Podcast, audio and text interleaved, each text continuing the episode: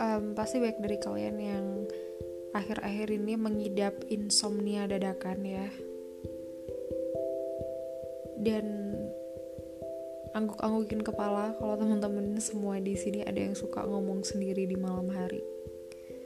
Gara-gara tiba-tiba midnight thoughts kayak banyak banget aja gitu yang muncul.